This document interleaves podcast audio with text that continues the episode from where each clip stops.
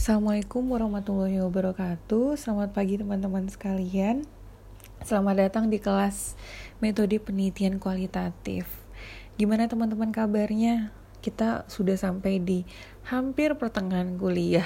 Jadi mungkin teman-teman di sini sekarang sedang persiapan mungkin untuk menghadapi UTS yang bentar lagi atau ada juga yang sudah menyicil membuat laporan untuk UAS nanti dan sebagainya.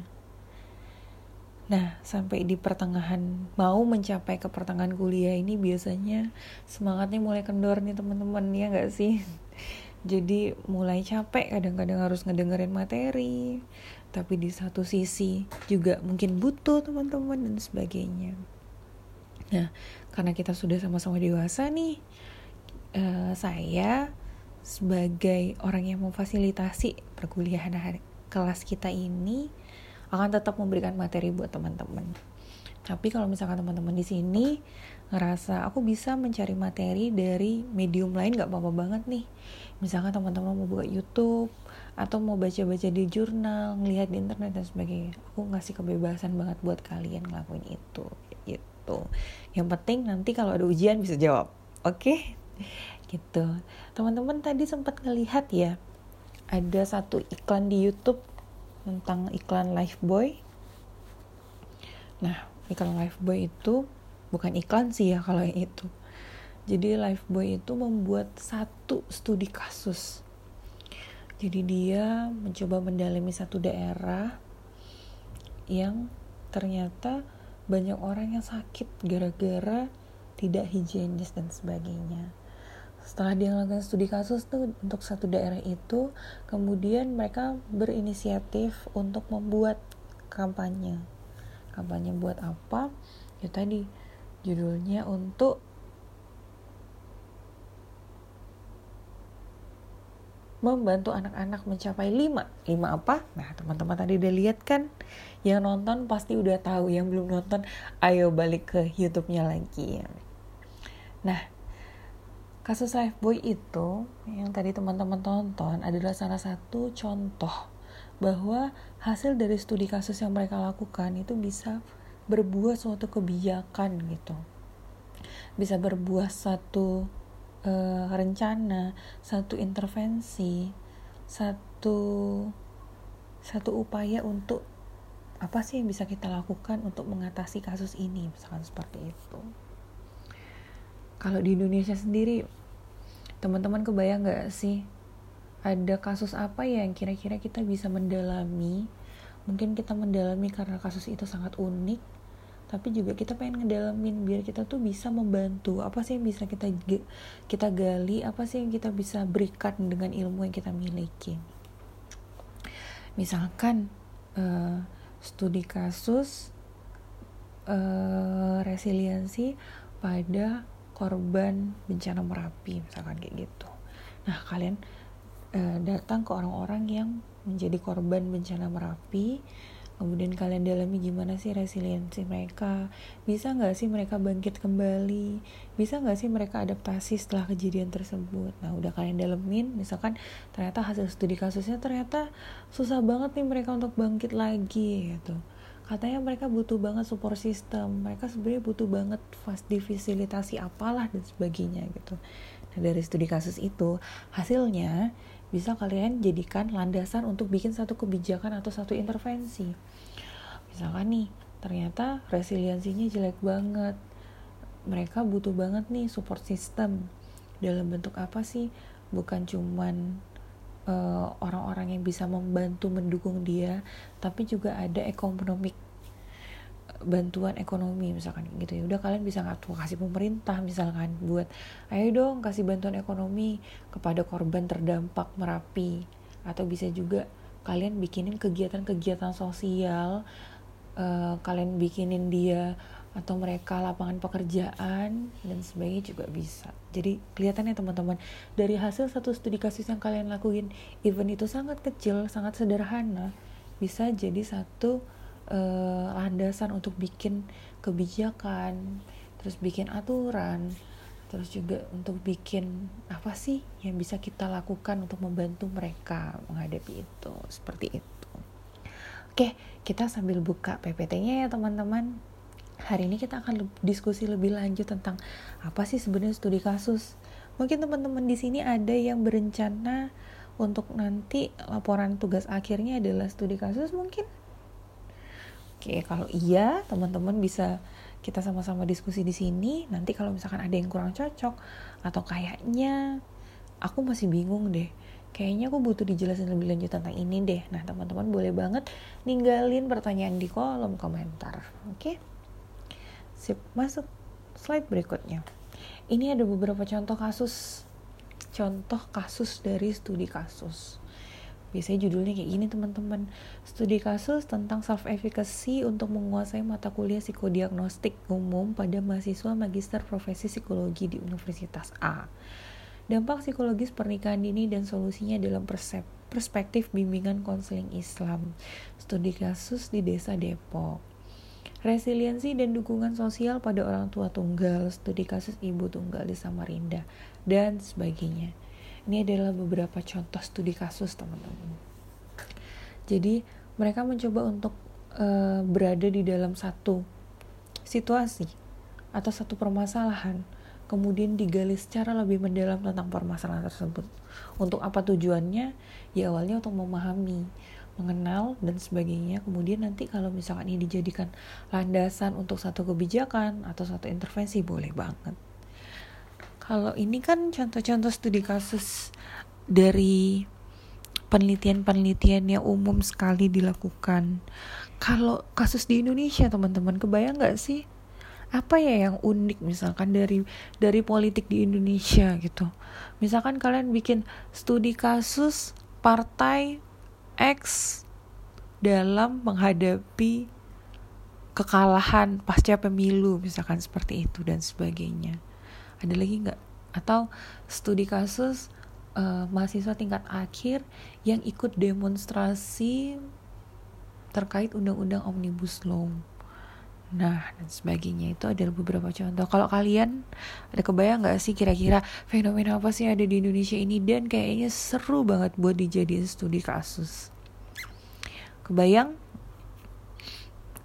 Oke, dibayangin sendiri ya. Next slide. Nah, ini adalah penjelasannya. Studi kasus jadi studi kasus itu meneliti satu kasus atau fenomena yang ada di masyarakat dilakukan secara mendalam untuk apa sih sebenarnya? Untuk tahu latar belakangnya, keadaannya gimana, interaksi yang terjadi itu seperti apa gitu. Misalkan yang tadi uh, studi kasus partai politik yang gagal dalam pemilu. Kenapa sih mereka gagal dalam pemilu?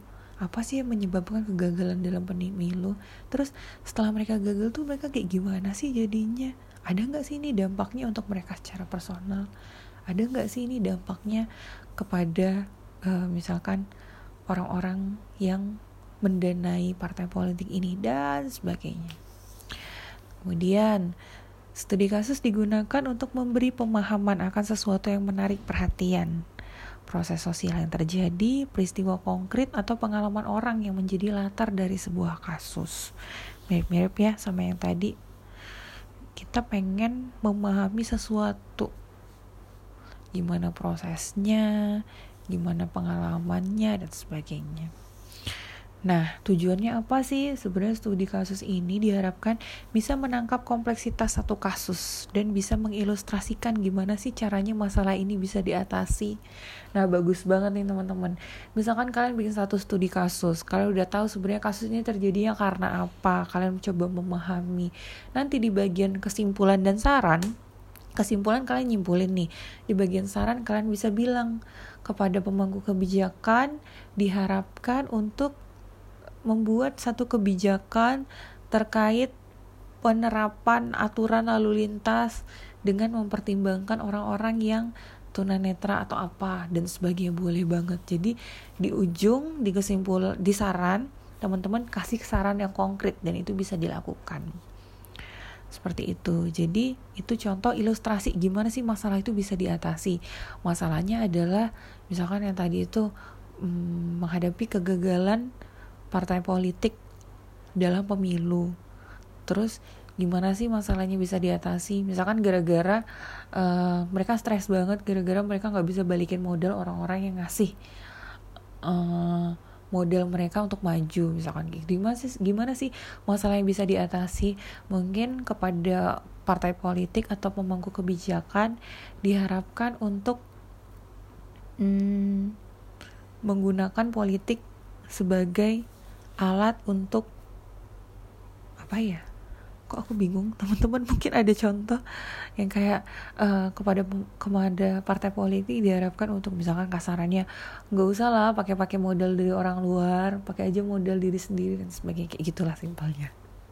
Mungkin teman-teman ada contoh lain gimana sih uh, saran konkret yang bisa diberikan kepada orang-orang ketika sudah membaca hasil dari penelitian kalian next slide Studi kasus bisa dilakukan di individu, suatu sistem, program, kegiatan, peristiwa, sekelompok individu, dan sebagainya. Jadi cakupan studi kasus sangat luas ya ternyata teman-teman. Boleh banget nih untuk satu individu aja, tapi juga boleh banget untuk beberapa individu. Bahkan bisa banget dalam satu komunitas gitu. Peneliti studi kasus fokusnya pada kasus dengan mendalami sehingga bisa sehingga bisa mengidentifikasi hubungan sosial, proses, kategori secara bersamaan. Seperti itu. Jadi tujuannya itu sih emang untuk mendalami, mengidentifikasi apa sih yang terjadi dalam fenomena ini, misalkan seperti itu. Penelitian studi kasus terdiri dari penyelidikan yang terperinci, Seringkali data dikumpulkan pada periode waktu, fenomena dan konteks tertentunya tujuannya untuk memberikan analisa tentang konteks dan proses yang berkaitan dengan isu teoritis yang sedang dipelajari panjang banget ya teman-teman. Maksudnya ini gini, uh, jadi studi kasus itu biasanya dilakukan dalam batasan periode tertentu. Misalkan yang tadi contohnya adalah studi kasus hmm, mahasiswa tingkat akhir yang mengikuti demonstrasi terkait omnibus law ya udah berarti uh, studi kasus ini dilakukan ketika masa demonstrasi omnibus law aja gitu. Kalau dilakukannya dari mulai bulan Oktober sampai Desember ya berarti kita ngambilnya pas waktu itu aja kayak gitu. Jadi dia nggak sepanjang waktu kayak gitu.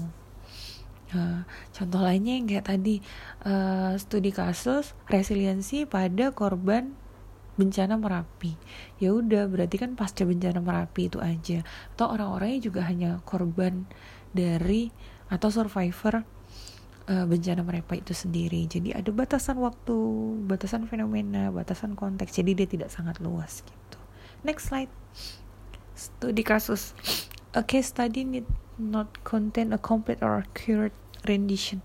Jadi ini uh, dia bilang kalau sebenarnya studi kasus itu ya nggak harus bener-bener kompleks akurat atau sempurna gitu sih. Karena pada akhirnya diharapkan hasil studi kasus kalian juga bisa jadi bahan diskusi dan bisa jadi bahan untuk ketemu ide-ide lain yang baru gitu. Jadi intinya ya udahlah kalian bikin tapi ya nggak usah terlalu nggak usah sangat kompleks gitu bikin yang bagus boleh tapi jangan terlalu kompleks gitu. jadi masih buka celah untuk ada diskusi dan sebagainya. Nah itu biasa dimasukin ke saran juga boleh. Jadi misalkan di saran kalian bilang ehm, kelemahan dari studi kasus ini adalah fenomena yang diangkat ternyata hmm, partisipannya tidak mencerminkan 100% studi kasus ini. Misalkan gitu. Berarti kan peneliti selanjutnya bisa memperbaiki dengan apa dan sebagainya. Next slide. Jenis studi kasus. Stake membagi jenis studi kasus jadi studi kasus intrinsik sama instrumental. Intrinsik dilakukan karena peneliti pengen memahami lebih baik pada kasus khusus yang diteliti. Jadi kasusnya satu khusus. Kemudian uh, studi kasus instrumental ketika kasus diteliti, terutama untuk ngasih wawasan tentang masalah atau untuk mengoreksi atas penelitian sebelumnya. Jadi kok intrinsik tuh intrinsik intrinsik. Typo cuy. Aku perbaiki dulu. Jadi kalau studi kasus intrinsik ini memang kita pengen memahami lebih jauh gimana sih resiliensi pada survivor bencana merapi sedangkan kalau studi kasus instrumental mungkin udah ada yang ngelakuin penelitian dari sebelumnya tapi kita pengen mendalami secara lebih jauh tentang ini misalkan kayak gitu.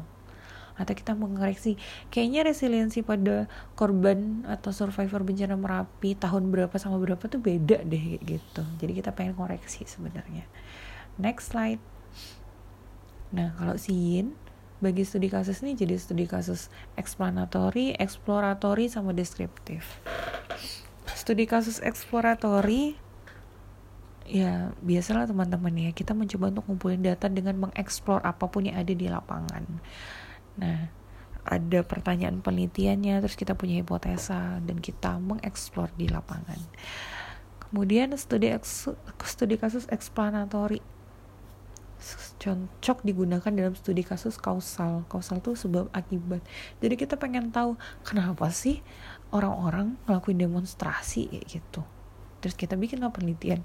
Studi kasus mahasiswa tingkat akhir yang melakukan demonstrasi terkait omnibus law. Kita pengen tahu apa sih penyebabnya gitu? Kita mau cari eksplanasi lebih lanjut tentang ini. Dan yang ketiga studi kasus deskriptif. Bentuk deskripsi atas suatu kasus dan mengharuskan peneliti mulai dengan teori deskriptif. Jadi bedanya nih kalau si deskriptif dia benar-benar uh, mulai dari awal gitu. Jadi kalau yang si exploratory kan kalian udah punya pertanyaan penelitian nih punya hipotesa explanatory kalian pengen tahu nih lebih lanjut kalau deskriptif bener-bener kayak kosong gitu.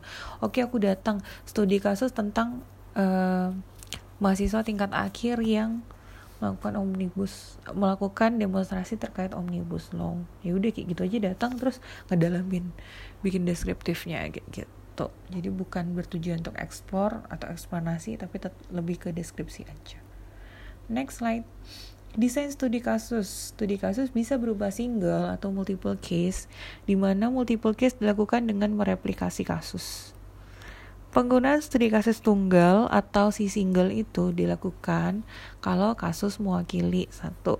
Kasus kritis untuk menguji teori, kasus yang tidak biasa unik, kasus umum yang bisa menambah pemahaman pada peristiwa tertentu, kasus umum yang dapat menambah pemahaman kok sama aku bacanya kasus yang sebelumnya tidak dapat diakses dan kasus longitudinal.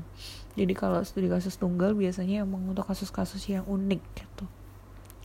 Misalkan studi kasus pada uh, apa ya perempuan-perempuan yang bekerja sebagai uh, penjajah seksual dan sebagainya misalkan seperti itu. Atau studi kasus um, pada mahasiswa tingkat pertama di perguruan tinggi A, B, C dan sebagainya gitu. Tapi dibikin lebih unik sih. Misalkan apa ya yang unik tuh? Apa ya teman-teman? Ada ide nggak? Coba aku mikir ya. Studi kasus hmm, self esteem pada mahasiswa kelas metodologi penelitian kualitatif misalkan kayak gitu atau yang unik lagi hmm, studi kasus pada uh, K-popers dan sebagainya boleh banget. Nah itu contoh studi kasus tunggal. Ada multiple case digunakan ketika memprediksi hasil serupa, memprediksi hasil kontras tetapi dapat diprediksi. Jadi kita mencoba untuk melakukan replikasi dari penelitian sebelumnya. Misalkan ada orang melakukan studi kasus tentang resiliensi pada korban gunung meletus. Yang satu mereka bikinnya gunung meletus atau gunung misalkan nabung gitu terus kita di Jogja bikin terkait dengan korban merapi gitu nah itu namanya multiple case gitu Studi kasus tunggal hanya memungkinkan peneliti untuk memahami satu kasus yang unik, sementara pada studi kasus ganda, peneliti dapat meneliti beberapa kasus untuk mengetahui persamaan atau perbedaan di antara kasusnya. Gitu. Jadi uh, dengan adanya studi kasus yang multiple case ini kita bisa ngelihat apa sih kesamaan dari korban uh, Gunung Merapi sama Gunung Sinabung misalkan kayak gitu.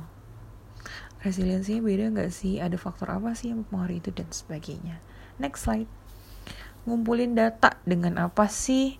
Dokumen tujuannya buat triangulasi nanti wawancara observasi artefak. Oh iya di studi kualitatif itu ada namanya triangulasi data. Triangulasi data itu ngumpulin data dari misalkan studi dokumen wawancara observasi artefak lain dan sebagainya yang kalian gunakan untuk nyari data. Habis itu kalian akan mengambil satu uh, kok mengambil satu sih? Untuk hmm, tiba-tiba saya blank uh, untuk memastikan kalau dari hasil observasi langsung ini ternyata tuh sama loh dengan hasil wawancara sama ternyata dengan studi dokumen gitu triangulasi data tuh fungsinya untuk memastikan kalau data yang kita dapatkan atau kita kumpulkan itu sebenarnya benar gitu. Next slide. Contoh lain studi kasus. Studi kasus pada mu'alaf usia dewasa, judulnya komitmen beragama pada mu'alaf. Tujuannya apa sih? Untuk memperoleh gambaran komitmen beragama pada mu'alaf. Dilihat dari gimana mu'alaf memahami, menjalankan, dan mempertahankan keyakinan beragamanya. Nah, kalau dari sini teman-teman, kira-kira ini tuh studi kasus deskriptif, eksplanasi, atau eksploratori? Kalau kalian tahu jawabannya, tulis di kolom komentar ya. Nah, tadi kan kita udah diskusi tuh apa sih bedanya eksplanasi, eksploratori sama deskriptif. Nah, ini kira-kira nih untuk memperoleh gambaran komitmen beragama pada mualaf. Kira-kira ini studi kasus apa sih? Tulis di kolom komentar ya kalau udah dengerin podcast ini.